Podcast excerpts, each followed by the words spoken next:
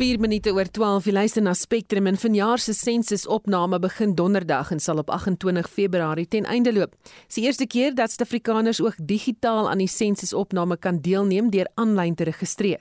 Die burgerregte organisasie AfriForum en verskeie ander belangegroepe soos die organisasie teen rasseklassifikasie wil mense ontmoedig om 'n bepaalde rassekategorie op die sensusvorm te kies. Ons praat met AfriForum se hoof van interkulturele samewerking Barend Eis. Goeiemôre Barend. Goeiemôre Susan en middag aan die luisteraars. Hoekom moedig julle mense aan om nie 'n bepaalde rasgroep in te vul nie?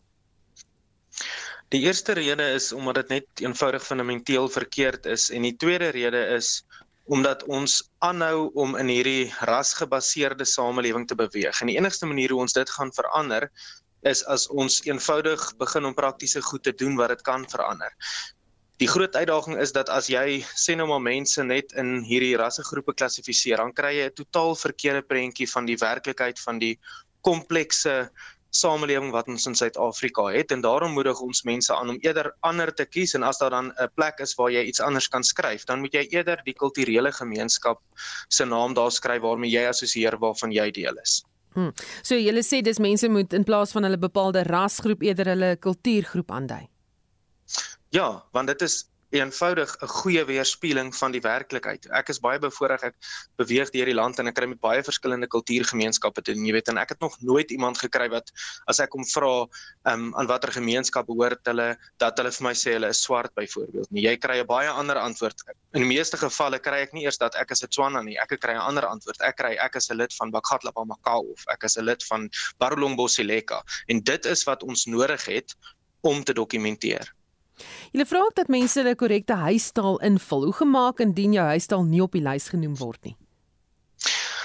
Ek dink mense moet dieselfde ding doen as jou huistaal dan nou nie op daai lysie is nie en nou mense maar 'n sterk vermoede dat daar maar amptelike tale gaan wees. Dan moet jy weer eens ander kies en hopelik is daar dan 'n geleentheid vir jou om jou korrekte huistaal in te skryf. Daar is eintlik groot taalgroepe wat byvoorbeeld nog nie erken word as amptelike taal nie soos Mpondo byvoorbeeld. En dan is daar ook ander gemeenskappe en dis spesifiek die Ndebele sprekende gemeenskap het 'n baie groot uitdaging dat as gevolg van praktiese werklikhede gemeenskapslede geneig is om byvoorbeeld Zulu aan te dui as die taal omdat dit is maar wat hulle gewoond is om te praat of wat hulle baie keer in die skool mee te doen kry. En as dit dan gebeur, dan is daar nie korrekte syfers om mee te werk nie. En as byvoorbeeld die SAIK dan besluit te neem oor Isendebele, dan is die korrekte getalle nie beskikbaar om die regte besluite mee te neem nie. En daarom is dit verskriklik belangrik om jou huisstaal korrek aan te dui. Dit het natuurlik ook 'n impak nie net op die uitsaaiwese nie, ook op openbare instellings, opvoedingsinstellings en so aan. So dis verskriklik belangrik dat mense dit reg aandui. Dis nou met ander woorde met betrekking tot taal, maar die ras en kultuur, eh, voel julle dit gaan dieselfde impak hê? Wel ons dink dit is die dieselfde beginsel geld. Ons moet so na as moontlik aan die waarheid kom as ons statistiek versamel. En die waarheid van Suid-Afrika is dat ons in hierdie wonderlike land lewe met verskeie kultuurgroepe en verskeie taalgroepe en as ons wil inligting hê oor daardie kompleksiteit en daardie verskeidenheid, dan moet ons 'n sensus gebruik om dit vas te vang wat ons tans nie doen nie. En indien mense hulle raad volg, dink jy nie dit sal die akkuraatheid van die sensusopname beïnvloed nie? Nee Susan, soos wat ek sê, ek dink dit gaan juist die akkuraatheid verbeter. Ehm um, en hopelik stuur dit ook 'n boodskap aan Stats SA en, en dalk aan die regering om te sê maar julle ons moet bietjie dink aan die werklikheid, iets wat regtig is, want die ander vraag is ook, jy weet, waarom waarom dink ons nog aan ras? Waarom vra ons nog 'n rasvraag as rasseklassifikasie afgeskaf is en ons sê ons lewe in 'n nie rassige samelewing want wat ons nou eintlik doen is mens vra vir mense om hulle self in rasgroepe te klassifiseer. Wat 'n baie moeilike ding is as jy vir my vra wat se taal ek praat dan is dit my verskriklik maklik om te antwoord. Ek is Afrikaans. As jy vir my vra aan watter kulturele gemeenskap behoort ek, dan sê ek oor is baie maklik. Ek is 'n Afrikaner en dis baie maklik vir ander Afrikaners ja nee, ons stem saam hy's 'n Afrikaner. Die oomblik as ons kom by ras dan is dit 'n verskriklike troebel water want Belas hoe hoe definieer jy wat is wit en wat is swart en wat is bruin? En dit is dit is presies waarom ons wegbeweeg het daarvan want dit is ras is nie iets wat jy objektief kan of behoort te meet of aan te dui of te klassifiseer nie. Baie dankie. Ons het gepraat met Afriforum se hoof van interkulturele samewerking Barend Eis. Dit gons nog oor die kabinet se besluit om die COVID-19 inperkingsmaatreëls te wysig. In gevolge die aangepaste regulasies sal iemand wat positief toets nou vir slegs 7 dae moet isoleer. Mense wat kontak gehad het met 'n positiewe geval hoef nie meer te isoleer nie tensy hulle self simptome toon. En vir meer hieroor praat ons nou met Dr. Kloete van Vieren van die 3 Militêre Hospitaal in Bloemfontein. Goeiemôre Kloete. Ja, goeiemôre Susan. Is dit die regte besluit op hierdie tydstip?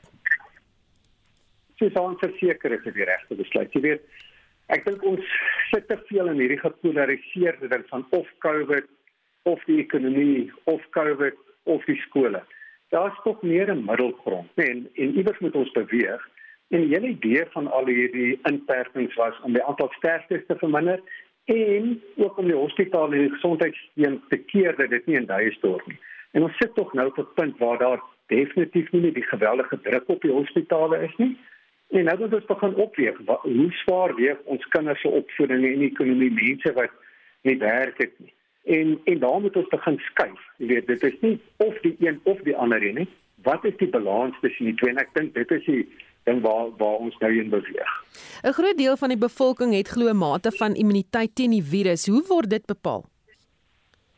Ag, weet jy, dit is eintlik maar baie eenvoudig. Hulle vat ehm um, sien nou maar vrouens wat voorgeboorte klinieke besoek want dit is mos nou maar die kraak wie dit is wat so intoe kom en hulle vat 'n bietjie van daai bloed wat oorbly en hulle toets dit vir antiliggaam. Of hulle sal mense wat vir hulle HIV opvolgbesoeke gaan of vir watter ander rede ook al uh, in 'n gedefinieerde groep val toets die antiliggame en dan kan hulle uitwerk watter persentasie van daai gebied se bevolking het immuniteit. En dan weet ons mos nou presies ehm um, hoeveel mense is ingeënt en waar hulle bly en waar hulle vandaan kom en ons het baie goeie statistiek oor ons hospitalisasie. So as jy al daai goed in ag neem en mooi intelligent dit verwerk, dan het ons 'n baie goeie idee van van hoe ons immuniteit staan in die land.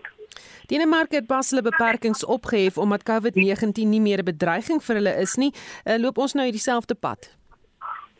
Kyk, ek dink Susan, die groot ding van Denemarke, 'n geweldige hoë persentasie, meer as 90% van hulle bevolking is ingeënt. En hulle sien baie gevalle, maar met amper geen sterftes of of hospitalisasie nie.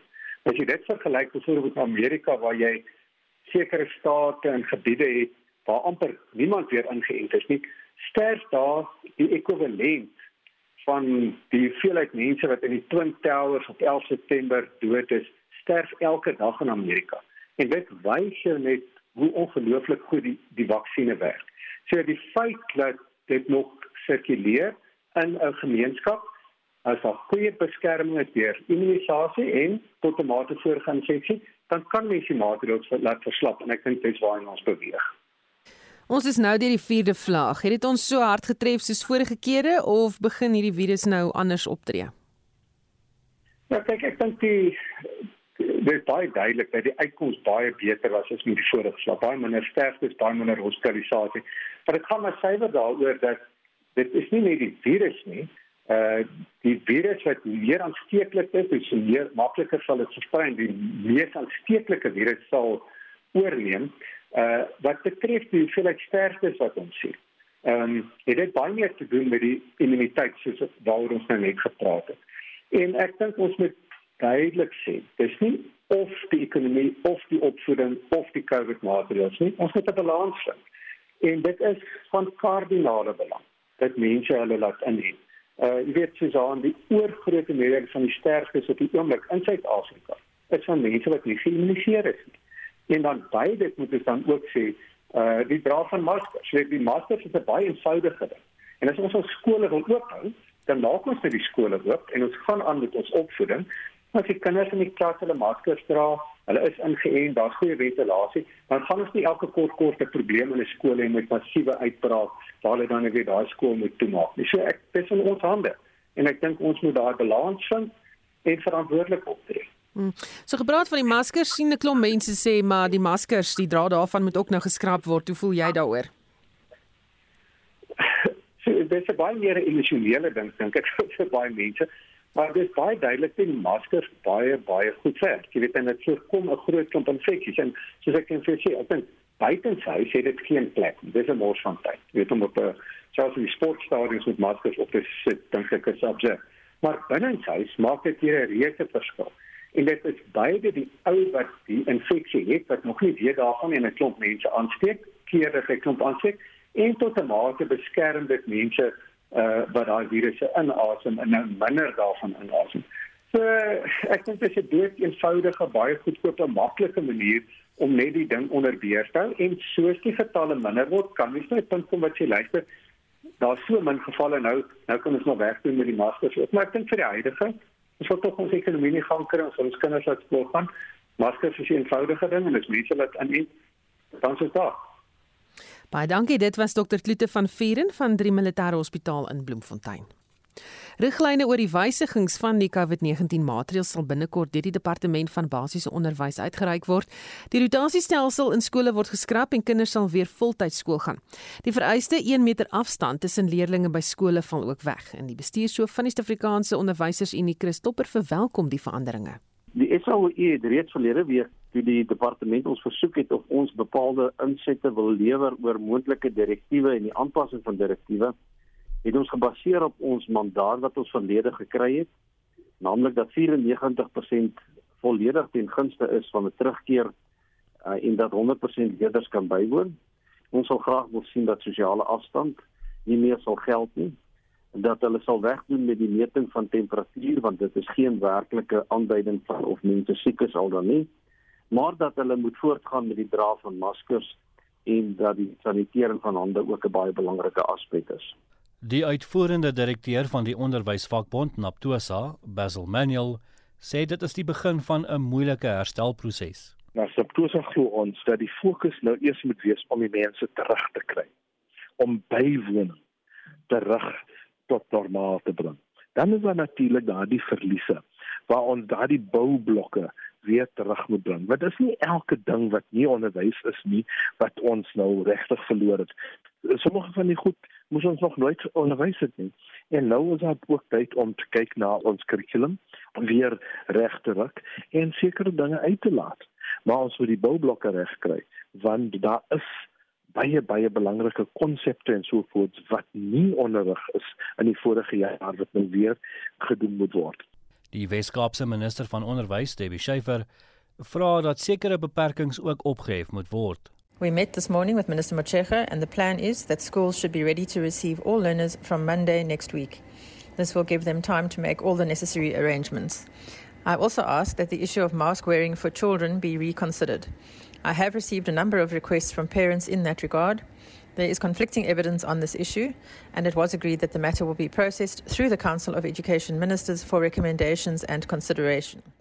Intussen sê Klopper dat alle skole nou hard gaan werk om enige agterstand in te haal. Daar is tog 'n persentasie wat dui dat hulle tot sover as 20 of 30% agter is en dan het alle skole aangedui dat hulle gaan 'n baie sterk klem lê hierdie jaar op die moontlike inhaal van agterstande, maar ook die vaslegging van bepaalde konsepte en leerboublokke van die kurrikulum en dat daai fokus per primêr sal wees op tale en wiskunde want dit is die werklike primêre tale wat jou sukses bepaal oor die lang termyn.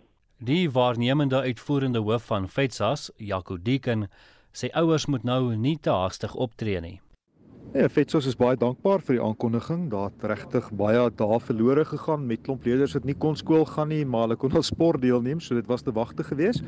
Ouers moet egter nog nie nou hulle kinders by die skool gaan aflaai nie. Daar moet eers direktiewe gepubliseer word. Uh, ons vergader môre met die minister, so ek verwag dalk uh, op die vroegste dat ons se volle terugkeer volgende maandag gaan hê want skole moet nou nou gereed wees om al die leerders te ontvang, maar ons is dankbaar dat die kabinet reeds so besluit geneem het. Die minister in die presidentskap, Mondli Gungubele, sê meer besonderhede oor die aangepaste regulasies sal binnekort bekend gemaak word.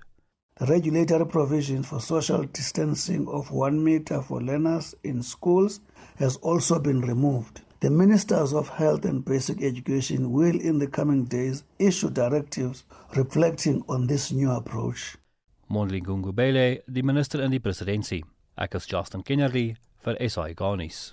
Ons bly by nuus oor COVID terwyl almal na hulle geestelike leiers en dominees gekyk het vir vertroosting in die moeilike tyd. Het selfs die mense wat opgelei is om ander deur moeilike tye te kry, swaar gebuk gegaan onder die verliese van die koronavirus of wat die koronavirus meegebring het.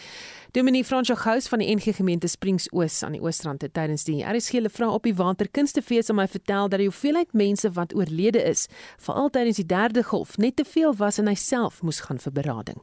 Met die derde golf was dit vir ons die ergste gewees in die gemeente ook.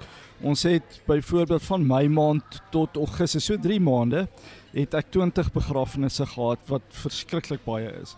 En uh wat sleg is, jy spandeer so min tyd met mense nie soos wat jy graag sou wou nie. Want die rouproses is mos maar 'n unieke proses. Dis 'n lang proses waardeur mense moet gaan en en dit was dit was net te veel. Wat was die impak op jou as mens want hierdie is lidmate, dis mense wat jy ken. Ja, ek dink dit is een van die groot verliese wat ons beleef het. Onthou nou lidmate is nie net lidmate nie, dit word familie. Dis mense by wie jy gekuier het. Dis mense wat jou vriende is en as hulle sterf dit raak jou persoonlik ook. So eintlik jy as leraar of predikant gaan ook saam met hulle deur 'n rouproses. Weet wat doen jy toe uiteindelik? Hoe hanteer jy toe hierdie trauma wat jy self toe nou moet verwerk want dis vriende, dis soos 'n familielid wat jy moet begrawe en dis die een na die ander. Wat vir my nogal moeilik was, wil ek sê, is dat op daai stadium het ons nie regtig 'n plek gehad vir predikant om heen te gaan nie. So met ander woorde, jy moet maar self jou proses hanteer. My vrou het my baie ondersteun. Daar's mense wat vir jou bid. Ek glo die Here stap met ons almal 'n pad. Maar wat vir my moeilik was is dat ek dink wat wat ons doen is ons onderdruk maar ons eie emosies. Ek het eers maande later by een van my sielkundiges uitgekom, 'n dame wat ek baie vertrou en kon ek bietjie met haar deel dit wat ons alles beleef het die afgelope tyd. Maar op daai stadium dit is net uh, oorweldigend geweest. En dit is wat dit moeilik gemaak het. Waar kry jy dan nou hierdie energie, hierdie krag vandaan om dan vir mense vertroosting te bied terwyl jy self eintlik diep binne in jou huil? Dis moeilik. Ek dink jou ek persoonlik kan maar net sê dit is my eie geloof in die Here wat my daardeur gedra het. Want menslik het jy nie eintlik die krag of die vermoë nie. Ek dink op 'n stadium gaan 'n mens maar net aan en aan en aan. Maar die feit dat 'n mens 'n roeping het en 'n passie het, dit het gemaak dat mens elke keer opstaan elke keer as die telefoon lui bereid is om weer te gaan en mense te gaan bedien, mense te gaan help. Uh, dis alles deel van 'n passie, dis 'n energie, dis 'n krag dink ek wat verder of dieper vandaan kom as net eie menslike vermoëns. En dit was Dominee Fransjo Gous van die NG Gemeente Springs Oos aan die Oosrand.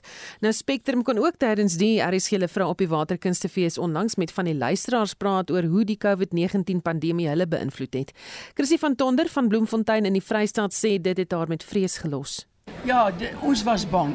Ons was regtig bang of sal ek eerder sê versigtig want die COVID het nou ingekom en ons bootritte is uitgestel van uh, bakpoort na stuurpoort. Elke keer was dit 'n verskillende datum, verskillende tye. Ons het 'n paar keer al vliegtuigkaartjies gekoop en moes inbetaal het op die vliegtuigkaartjies, maar ons het besluit om deur te druk. Ons het gedink dit moet 'n fantastiese ervaring wees. Ons is baie lief om saam al vir jare lank met vakansie te gaan. So ons het verskillende vakansieplekke al besoek saam as vriendinne. Sis Jansen van Musina sê sy het by die dood omgedraai nadat sy COVID-19 gekry het. Sy sê dit het haar uitkyk op die lewe heeltemal verander. Frustrerend. Ek het COVID gehad verlede jaar toe die COVID begin het, toe ek COVID gehad. Ek woon in die hemel en ek het teruggekom toe sê hulle daar's nie plek vir my nie. Toe kom ek terug. So jy was baie siek. My Here is groter as die COVID. Dit was dit was vir jou moeilike en 'n traumatiese ervaring. Dit was ja, dit was. Jo. En nou dat jy weer kon reis en hier's jy op 'n skip, hoe voel jy? Was jy bietjie seerweeagtig? Ek was onseker. Wat wat gaan gebeur? Want dit is die eerste keer dat ek op die boot gaan baie baie onseker. So was meer oor die oor die skip self. Gaan ek see siek word? Wat, wat gebeur hier? Kom ek in die kamer of waar land ek weet en ek kan so verdwaal. Nonnie de Lange van Polokwane sê sy en haar vriendinne is baie lief vir die kunste. Sy sê die feit dat die kunstefeeste nie kon plaasvind nie was 'n groot teleurstelling. De Lange besit 'n dansateljee en sê die pandemie het 'n groot impak gehad daarop. My ateljee het ehm um, die hoeveelheid leerdlinge het in 'n kwart verander. Sjoe, want mense se finansiële posisie het geweldig verander en ek dink dit het baie grense geskuif finansiëel in gesinne in. En ek kan ook sien wat dit aan die kinders doen. Maar nou is is dit beter, is dinge beter? Sover ek weet, het almal van verlede jare teruggekom en ek hoop om hierdie jaar darm weer nuwe leerdlinge by te kry. Ehm um, want ek spesialiseer in moderne danse, klopdanse, hip-hop, funk, energy So ehm um, dan doen ons ook tussenin leer ons die bruide om die baan oop te maak en lekker te sokkie en dit is eintlik alles wat tot stilstand geruk is as gevolg van die COVID. Te lank het die stukkie raad gehad vir jong meisies. 'n Wenk wat ek vir al die jong girls kan gee en al die to, uh, toekomstige bruide is leer die man dans voor die tyd want dan kry jy alles uit hulle uit man na die tyd. Moenie dink jy kry hulle om te dans. De Lange was nie bang om weer tussen mense te wees weens die pandemie nie. Haar vrees was egter dat sy nie toegelaat sou word op die skip nie. Ek was baie dankbaar toe ek darm die twee toetse deur gekom het. Uiteindelik weer op die boot gekom het. lekker man, lekker. Ek is Ria Jagger. Ek kom vanaf Mossel Bay. Ek is ongelukkig alleen op die toer, maar ek het soveel fantastiese vriendinne gemaak. Sommers soos ek nog in die rye gestaan het, het ek baie baie vriendinne gemaak. Jagger sê hierdie reis op die skip is bittersoet weens gebeure kort voor en tydens die pandemie. Uh vir my was die COVID baie sleg want dit het net ge, my man was net oorlede toe is dit COVID. En ek was toksiel alleen in 'n groot huis en ek kon nêrens heen gaan nie, maar gelukkig was dit darm so 'n uh, um, 'n liggie aan die einde van die tonnel. Ons ek behoort aan Motorhome Club en ons kon daarom gaan kamp. So ek het saam met die Motorhome Club van die Suid Suid-Kaap het ons gekamp kamp vrou alleen ek het dit aangedurf. Dit was my verskriklik moeilik want dit is 'n baie groot voertuig om te bestuur, maar ek het dit gedoen en ek dank die Here dat ek dit kon doen want dit het my gered van baie goed. My seun sit in Australië 20 jaar al en ek kan hom nie sien nie en hy kan my nie sien nie. Ek kan wel my dogter sien, maar dit is ook moeilik om bande te smee as jy sulke COVID probleme het. So dit was vir my baie sleg. En dit was Ria Jagger van Mossel Bay, deel van 'n groep luisteraars op die RC hulle vra op die Waterkunstefees onlangs wat hulle ervarings tydens die pandemie met ons gedeel het.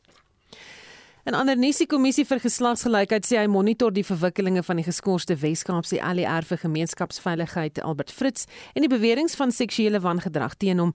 Fritz is 'n week gelede geskort hangende onafhanklike ondersoek.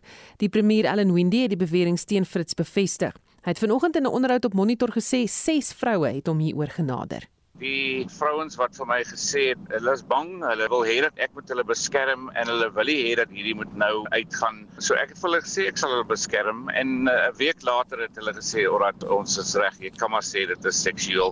Maar um, ek het vinnig gereageer op die minister en 'n onafhanklike persoon ingesit om dit te ondersoek maar ek sal altyd my woord hou en vir mense beskerm as hulle dit vra. Hoe lank het hulle stil gebly voordat hulle vir die eerste keer begin praat het? Al is dit nou net met jou. Van hulle sê dit het nogal 'n tydjie aangegaan. So uh, ja, ek is uh, baie bekommerd dat die ding so 'n lang tyd aangegaan het en ons het nou net eers hier uitgevind, maar ek is seker dit sal ook nou uitkom presies hoe lank en hoeveel mense. Die eerste aantuiging van seksuele teistering het Wendy bereik op 23 November verlede jaar. Dit was deur 'n derde party om oorgedra, maar Wendy sê hy het gevra by bewyse of 'n gesprek met die beweerde slagoffers. Die persoon en dan 'n uh, tweede een het gesê dat hulle sal die storie bymekaar maak en dan vir my opskrif bring. En hulle het gevra vir die tyd oor die seisoen om dit te doen. Ek het selfs uh, Eh, vir die een gesê wanneer kom julle en hulle gesê ek is amper reg, die ander een is nog nie reg en op die 14de was die eerste keer wat ek hulle ontmoet het. Hy sê enigiemand wat dieselfde of soortgelyke ervaring het, kan met 'n geruste hart na vore tree. Ons wil hê jy moet vir ons jou storie kom vertel. Ons sal vir jou beskerm en ons sal dit in die stelsel insit uh, vir die onafhanklike persoon nou wat die ondersoek lei gee. So dit is oop. Wanneer die afhanklike ondersoek afgehandel is, is die volgende stap om 'n klagte by die polisie te lê. Ons vra vir die mense wat voorgekom het asseblief lê jou klag by die polisie. Ek sal na my verslag kry hopelik volgende week. Dan sal ek kan sien kan ek by die polisie dit aanmeld. Wat moet ek dan doen? Ek sal daai regsadvies opvolg want dan sal die volgende proses in plek gaan as dit so is en dit moet wat die hof eintlik op die einde van die dag by die ding toets. Sal jy gereed staan om klagte te lê as die premier van die Wes-Kaap indien dit nou nie gebeur uit ander oorde uit nie? Definitief as ek kan. Want op die huidige oomblik, jy kan nie 'n klag gaan lê namens iemand anders hmm. nie. Ek het met die uh, polisiekommissaris ontmoet. Hulle is reg om die klagtes te hanteer en te ondersoek. Hy sê beduidende veranderinge is nodig in die werksomgewing. As jy in 'n minister se kantoor werk of as jy in 'n besigheid werk waar hier is iets aan die gang tussen iemand wat mag het, ons sien dit oor die wêreld, dit is 'n groot probleem en ek dink ons moet die geleentheid nou gebruik om te sê, hoe kan ons hier uit leer? Wat moet ons anders in plek sit? Net presies soos ek nou was gevra, hoekom het ek nie onmiddellik uitgekom? Want ehm um, jy weet as jy mense by jou kry wat baie baie bang is en jy moet vir hulle beskerm. Ek was so bang dat ons gaan daai mense verloor want iewers skielik nou is dit hierdie groot ding in die pers en nou raak meer mense bang. Hulle wil nie vorentoe kom nie want hulle wil hê dat mense moet vir hulle bel en uitvind wat aangaan en is jy die een in die kantoor en dit is 'n groot probleem en ek dink ons moet definitief hier uitleer hoe doen ons dit dat mense kan veilig voel om vorentoe te kom want ek dink baie baie mense is baie baie bang en dis hoekom dit aangaan en dit gaan aan en, en ons kan nie iets daaraan doen nie. Ons moet definitief verandering bring. Dit was die Wes-Kaapse premier Allan Windy. Hy het vanoggend met Anita Visser en Udo Karelse op monitor gepraat. Marlene Forsie is hy kan nuus. 'n Professor in politieke wetenskap aan Universiteit Stellenbosch, Amanda Gou, spits haar juist op kwessies van geslagsgebaseerde geweld. Sy het ook al op verskeie geleenthede gesê daar word veral in politieke kringe nie genoeg gedoen om seksuele teistering hok te slaan nie. En sy sluit nou by ons aan. Goeiemiddag Amanda. Goeiemiddag. Jy het gehoor wat uh, Wendy te sê het uh, van die vrees wat heers onder slagoffers van seksuele teistering in die werksplek. Hoekom is mense so bang? Wel mense vrees victimisering want as jy 'n klag lê teen iemand wat meer mag het as jy, ehm um, is die kans baie goed dat dit, dit gebruik sal word teen jou. So jy kan jou werk verloor of jy kan gestigmatiseer word. Uh en en mense wil nie veral vroue wat werk in manlik gedomeineerde omgewings wil nie hê dat dit gebeur nie. So vroue kan selfs jare na die tyd ehm um, oortredings aanmeld juis omdat hulle bang is dat iets met hulle sal gebeur. En hoe lyk die magsverhouding in gevalle soos hierdie? Wel, uh, Albert Fitz was 'n uh, minister op die, in die plaaslike regering. Dit is 'n baie magtige posisie. Hy het duidelik die mag gehad om hierdie vroue aan te stel as interns of as 'n ander ehm um, hoedanighede waarin hulle aan hom ondergeskik was. So dit is 'n dit is 'n magsverhouding waar hulle baie minder mag het as hy en hy het natuurlik ook ehm um, basies uh, taktieke gevolg soos om weg te gaan na in die provinsie in of op ander plekke waar hy dan uh, hierdie uh, jong vroue met hom saamgeneem het en dan gevra dat hulle na sy kamer kom. So dit is nie eers in die werkplek nie, dit is ehm um, op 'n manier waar hulle nog meer kwesbaar is omdat hulle nie uh, op daai stadium basies alleen met hom is. Hm. Wendy sin speel ook daarop dat diegene wat die aantuigings maak se privaatheid nie gerespekteer word nie en dat hulle oorval word deur vrae van die media of mense in hulle onmiddellike omgewing. Het hy 'n punt beet? Ek dink dit is nou die geval omdat ehm um, dit nou so 'n hoë profiel ehm um, geval in die media geword het, maar ek wil terugkom na die feit dat ehm um, minister Windy vra wat moet gedoen word. Ek ek vind dit 'n bietjie vreemd. Want daar is wetgewing wat sê dat ehm um, alle werkplekke of dit nou 'n provinsiale regering is of dit 'n politieke party is, moet ehm um, sekere prosesse in en beleide in plek hê om seksuele teistering te te werk. So die wet ehm um, is ook van toepassing op uh die DA en op die op die DA se regering. En as daar die nodige um, prosesse in plek was, sou dit makliker gewees het vir hierdie vroue om om vroeër uh, klagtes te lê. In die wet is daar die die konsep van vicarious liability wat beteken dat die die um, werkgewer en dit is nou as ek nou dit kan vergelyk met 'n sê uh, die universiteit as 'n werkplek. Die rektor kan nie sê ek het nie geweet dat hierdie goed op my kampus gebeur nie. Hy is verantwoordelik om die nodige beleide en prosedures in plek te hê sodat as goed gebeur dat daar ehm um, teen teen oortreders opgetree kan word. So so Ellen Bindi as die premier ehm um, is is vicariously liable ehm um, vir wat in in in die plaaslike regering ag in die provinsiale regering gebeur. En ek ek verstaan nie hoekom politieke partye nie hieruit leer nie. Ons het die Marius Fransman saak van die ANC gehad, presies dieselfde scenario. Nou ons weet wat met Fransman gebeur het, hy het sy posisies verloor. En ek verstaan nie hoe mans dink hulle kan wegkom met hierdie gedrag nie. Dit is baie duidelik dat hulle dink um they are law unto themselves en dat hierdie uh, jong uh, vroue in so 'n kwesbare posisie is dat hulle nie gaan uitpraat nie. En hierdie het ons nou 'n situasie van iemand wat herhaaldelik getuister het, nê, want daar's meer as een slagoffer. En ek dink dit is wat my wat ek kommerwekkend vind is dat weet die die regering op die beleid wat van toepassing is op alle ehm um, werkplekke maar hulle hulle self sit nie uh, pas nie die wet op hulle self toe nie. Hmm. Ja, dit saam met die aktivis en navorser Lisa Wetten reeds in 2018 gevra dat uh, politieke partye standpunt inneem oor seksuele misdrywe. Is dit iets waarmee hulle erns maak wat julle kon agterkom? Nee, ek ek dink die hierdie Fritz saga is is is weer eens 'n bewys dat hulle nie erns daar daarmee maak nie. En ek weet van ander partye waar mans geskort word vir 'n paar maande en dan is hulle terug in dieselfde posisie. So ek dink wat tog goed is dat dat die premier gesê het dat ehm um, die die saak by die polisie aan of die sake by die polisie aangemeld moet word. Nou 'n seksuele aanranding en seksuele uh, en verkrachting is 'n uh, kriminele oortreding, so dit moet by die polisie aangemeld word. Ander aspekte van seksuele teistering um, is nie noodwendig krimineel nie, maar uh, dit sal goed wees um, om ondersoek te word en dit is hoekom ek dink die hele omgewing moet ondersoek word vir wat daar aangaan want ek weet daar is ook vier ander werkgewers geskort en ek ek vermoed hulle het ooglikend toegelaat dat Fritz met hierdie uh, gedrag wegkom. So so ja, en en ek is baie bly dat die premier 'n onafhanklike ondersoeker um, aangestel het om hierdie saak te ondersoek. Um ek dink dis baie belangrik dat dit iemand buite die die ehm um, uh, provinsiale regering is en buite die party. En ek is ook baie bly dat die uh, DA se vroue netwerk Dawn ehm um, uh, vandag in die koerant gesê dat hulle dring aan op baie spoedige um, optrede in hierdie saak. Baie dankie. Dit was 'n professor in politieke wetenskap aan Universiteit Stellenbosch, Amanda Gous. Brandbestryders van die Kaapse Wynland bestry nou 'n brand by Kareepoort in die Tankwa Karoo.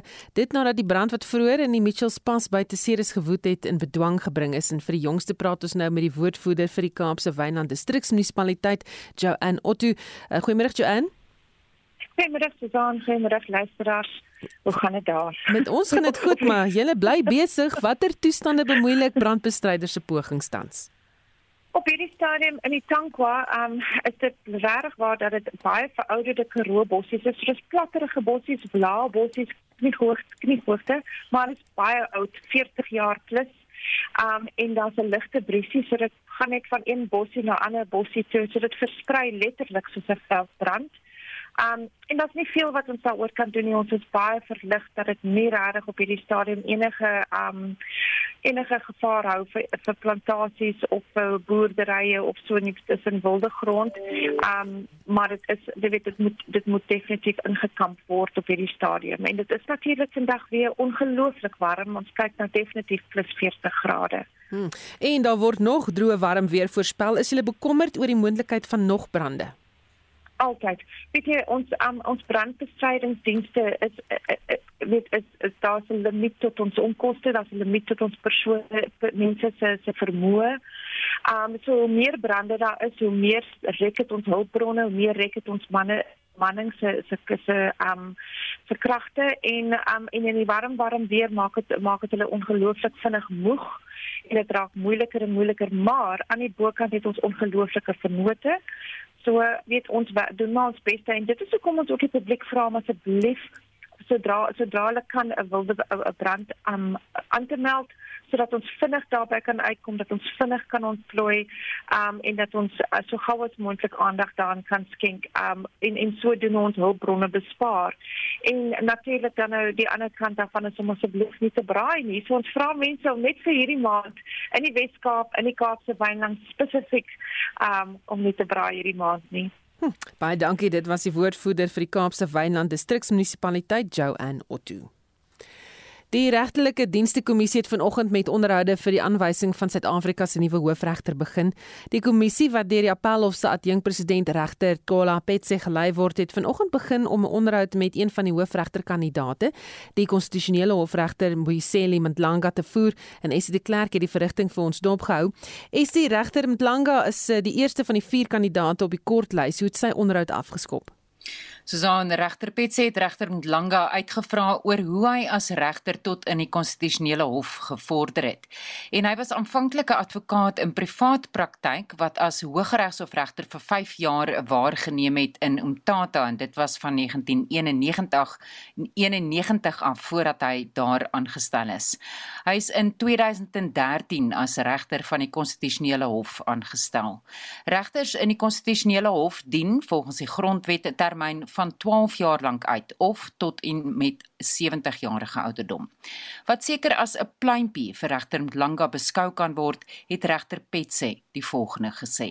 Justice uh, Mlanga, I do not propose to take you through your judgment because I believe that your record speaks for itself unless of course you would uh, want to dispute that statement. Let me take uh, the, the credit, President. Thank you, Deputy President. Uh, thank you. 'n Ernstige deel van die onderhoud het hier nagevolg. Ja, regter Petse het 'n vraag gevra oor die konstitusionele hof wat die afgelope ruk oor verskeie aspekte aangeval is. The extraordinary long delays in rendering judgments, the quality of the judgments and some of the criticism has not been charitable. Namely, in one instance, the person who was critiquing the judgment said that it is a packle of nonsense. Some judgments are replete with incoherence and reasoning is all over the place. Regter Langa het 'n besondere gedetailleerde antwoord gegee oor die werkslading van regters in die konstitusionele hof wat 'n vertraging van uitsprake veroorsaak. With effect from the 23rd of August 2013, a constitutional amendment which afforded the constitutional court what we loosely call general jurisdiction the effect of which was that the constitutional court no longer adjudicates only constitutional matters. As you know, Chair, it now adjudicates even matters involving arguable points of law of general public importance. Hy sê die wysiging het veroorsaak dat die konstitusionele hof baie meer aansoeke ontvang en dit veroorsaak 'n hoë werkslading vir regters. In 2013 already the increase was modest. And then in uh, 2014, the figure shot up well over 200. Since 2015 to today, new applications have been averaging uh, well over 300. Last year, they were 394. Hy het verduidelik tot en met Desember verlede jaar toe hy en nog 'n regter die stelsel verander het, is die nuwe aansoeke oneweredig tussen regters verdeel weens 'n weeklikse aandiensstelsel en dit het werkslading nog meer verhoog en uitsprake vertraag. Is die regter Matlangas ook gevra om sy visie te deel indien hy as die nuwe hoofregter aangestel sou word? Ja, Susan, een van sy voorstelle sê hy is dat die quorum van 8 regters in die konstitusionele hof na 'n onewe getal van 7 of 9 regters verander moet word. Recent times there have been quite a few cases in which we have been evenly tied. That is a very unfortunate outcome for litigants. Because when you appeal, it is not just appealing for the sake of appeal, you are actually exercising a constitutional right under the rubric of a fair hearing, fair trial. You are also entitled to the right of appeal. Here's the injustice. Once we are evenly tied, the effect of that is that the judgment appealed against stands. So it's as good as if you never appealed at all. En onderhoude sal oor die verloop van die week met die ander 3 kandidate ook op die kortlys gevoer word, reg? Ja, en hulle is 'n waarnemende hoofregter Raymond Zondo, die regter-president van die Hooggeregshof regter Dunstan Lambu en die president van die Appelhof regter Mandisa Maya. En dit was Estie wat vir ons 'n blik gegee het op die onderhoude van die hoofregterkandidaate wat vandag vir die geregtelike dienste kommissie begin het. Die tweede deel van die kommissie van ondersoek na staatskaping sal vandag aan die presidentskap oorhandig word. Dit volg nadat die eerste deel onder meer gefokus het op SAL, die Gupta beheerde koerant The New Age en die inkomste diens. En ons praat nou met professor Dirk Coetzee van die departement politieke wetenskap aan Unisa. Goeiemôre Dirk. Goeiemôre Susan. Kan ons nog skokkende bevindinge uh, in deel 2 verwag? Ja, ek ek dink dit sal voortgaan op dieselfde manier as wat in deel 1 in die geval was. Uh dis dit gaan nou net oor gaan na na ander uh, staat uh, semi-staatsondernemings soos byvoorbeeld Eskom, uh Prasa, uh Estina die in die projek in in die Vrystaat, die intelligensie, nasionale intelligensie diens of die staatsveiligheidsdiens. Dit is alles aspekte wat nog gesproke moet kom. Hulle het nie presies uiteengesit in die eerste gedeelte wat in die tweede en die derde gedeeltes gaan volg nie. Hoewel dit word gesê dat in die derde gedeelte gaan die finale gevolgtrekkings en die opsomming wees. Maar uh, so ons het nie 100% duidelikheid oor wat in deel 2 gaan wees nie, maar dit is dit heel is voorstelbaar dat dit uh, voort sal gaan op dieselfde wyse as die eerste een en na die, die verskillende instellings sal kyk. Hm. Dink jy die kommissie se aanbevelings sal hier gestalte begin kry? Wel, hulle het reeds aanbevelings gemaak. Ehm um, in die geval van en wat baie belangrik is, dis die laaste gedeelte van die eerste deel uh, wat gaan oor die die aankope prosesse ehm um, en, en wat gebaseer is op ehm um, natuurlik op kontrakte um, en dit ook die verhouding met die private sektor die die leweransiers van dienste en van produkte vir en daar tien baie belangrike aanbevelings wat daar gemaak word wat meer algemeen is wat nie spesifiek wys na byvoorbeeld SAL of uh, uh die inkomste diens of so nie. So dit sal waarskynlik sal dit voortgaan om nog algemene aspekte weer eens um, in in te sluit en en sekere aanbevelings daaroor te maak. So dit is definitief te wag dat dit die geval sal wees. Strafregtelike vervolging sal dit uiteindelik hieruit voortspruit.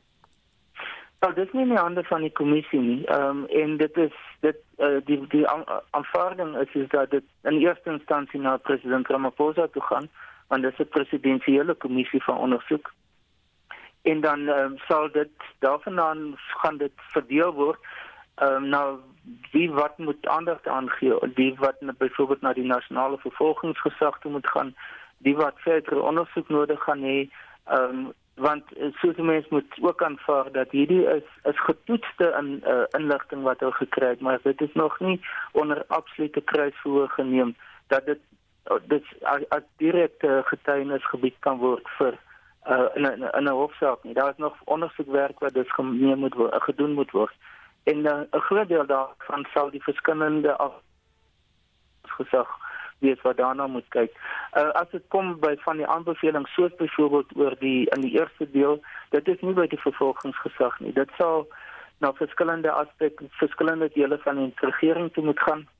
Ek dink 'n redelike klomp van hulle sal byvoorbeeld na die uh, kantoor van uh, Kopta, die minister van samewerkende regering en tradisionele aangeleenthede, 'n groot deel sal waarskynlik daar eindig en ander gaan ek, ek dink in die kabinet uiteindelik bespreek moet word in in gesamentlik om te sien wie werklik verantwoordelik is. Want sommige is nuwe idees. Dis nie dat dit in direk aanpas by een van die verskillende portefeuilles nie.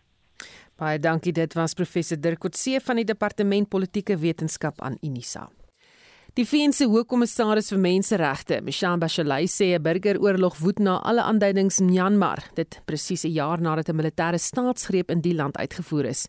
In 'n eksklusiewe onderhoud met die BBC het Bachelet gesê die internasionale gemeenskap doen gans te min om die weermag se menseregte vergrype in die land te verhoed. Nou tree mense self op. The truth is that the international community has been not very effective and has lacked maybe a sense of urgency. The international community has to act stronger, but also regional actors that are very important there, like India, China, Japan, they need to do more. Verskeie lande erken nie die militêre regering in die land nie. Bachelet sê hoewel dit goed is, is dit kommerwekkend dat hulle ook nie die nasionale regering vir eenheid wat deur die weermag verwyder is, erken nie. The thing is that mainly the demonstrations have been peaceful But of course, people have been getting fed up as well of being killed. So many of them have gone into these militias or created these so-called people's defense forces. From a long time, i have been saying that all the situation in Myanmar, if we're not able to do something more strongly about it, it will echo so much the serious situation. Sit swaar gekou na woorde toe sy uitgevra is oor of ons reeds kan praat van 'n burgeroorlog. We think we are in the verge of national civil war because we do have, on one hand, repression and with the response of the people who don't want to be killed. So they have been organizing this militia. I mean, of course, probably their force is not so big. So they have been victims of air strikes, of drones, of killings, of massive burnings of villages, etc. But it is, I think, a possibility to come into a civil war all the elements of a civil war are there now the scale of the yeah, violence, yeah. the casualties, the attacks spread yeah. out across the country. Is it not time to call this as it is a civil war? Yes, yes, indeed. I agree. Volgens haar kan die VN egter net soveel doen. I mean, unfortunately, I'm frustrated because we have very little tool other than speaking out. So for me, first of all, it's sad. We do our job, that is monitoring, reporting, and trying to convince member states that it is imperative that the international community and regional actors recognize that as long as impunity prevails, the Myanmar situation is not going to improve. Dit was die VN se hoofkommissaris van menseregte, Michelle Bachelet. Die bydra is saamgestel uit 'n eksklusiewe onderhoud wat die BBC met haar gevoer het. Marlene Forsie, SAK nuus. Burkina Faso se lidmaatskap van die Afrika Unie is opgeskort na 'n militêre staatsgreep die regering van die demokratiese verkose president Rakabourai omvergewerp het. En vir meer hieroor praat ons nou by die professor Henny Strydom van internasionale reg navorsingsleerstoel aan Universiteit van Johannesburg. Goeiemôre Henny. Goeiemôre. Was jy hierdie optrede van die Afrika Unie te wagte? Ja. Ek was dit te wagte en ek dink 'n paar dae daarvoor ECOWAS dieselfde gedoen.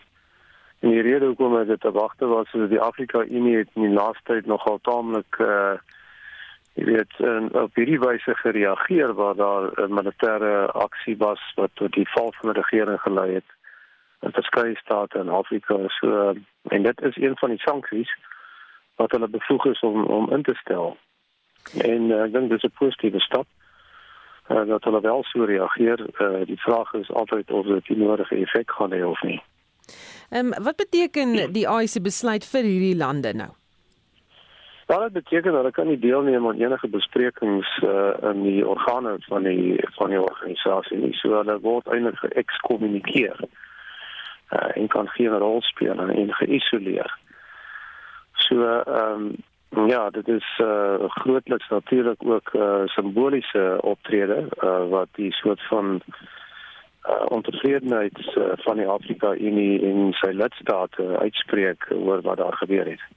Sal die Wes-Afrika streeksliggaam ECOWAS wat gesprekke met die militêre junta in Burkina Faso probeer voer hond haar afmaak? Dit is 'n moeilike vraag. Dit gaan altyd daaroor uh of die uh militêre junta baie gemaklik is in hulle posisie en hulle voel daar is geen geen bedreiging vir hulle nie of dat uh hulle posisie so sterk is dat hulle op daai basis kan voortgaan. Nou, ons moet onthou dat hulle self uh, te kenne gee dat hulle gou dienlik wil terugkeer na burgerlike regering toe. En dan is maar moet kyk, hierdie tipe van diplomatieke aksies wat gev uh, gevoer word deur uh, ECOWAS Nou, as ek te wag, uh, dit is maar die eerste stap wat gedoen word is om 'n samesprekings te kom met so 'n junta om te kyk of jy die junta tot ander insigte kan bring of soort van kan stuur in die rigting van die aanvaarding van 'n burger of terugkeer na burgerlike regering. Maar of dit sy effek gaan hê is altyd spekulatief op die vroeë stadium van die uh, van die vrugtinge. Baie dankie. Dit was professor Henny Strydom van die internasionale reg navorsingsleerstoel aan Universiteit van Johannesburg. Die vierde sensusopname in demokratiese Suid-Afrika vind donderdag plaas of van donderdag plaas en daar's heelwat teenkanting oor sekere elemente van die opname. Dit is een van die afgelope uur se hoofstories en Marlenae Forsie hou dit vir ons dop. Ja, Susan, verskeie drukgroepe wat Afriforum insluit skop vas teen rasse klassifikasie in die sensus. Ek het nog nooit iemand gekry wat as ek hom vra aan watter gemeenskap behoort hulle dat hulle vir my sê hulle is swart byvoorbeeld. Nee, jy kry 'n baie ander antwoord.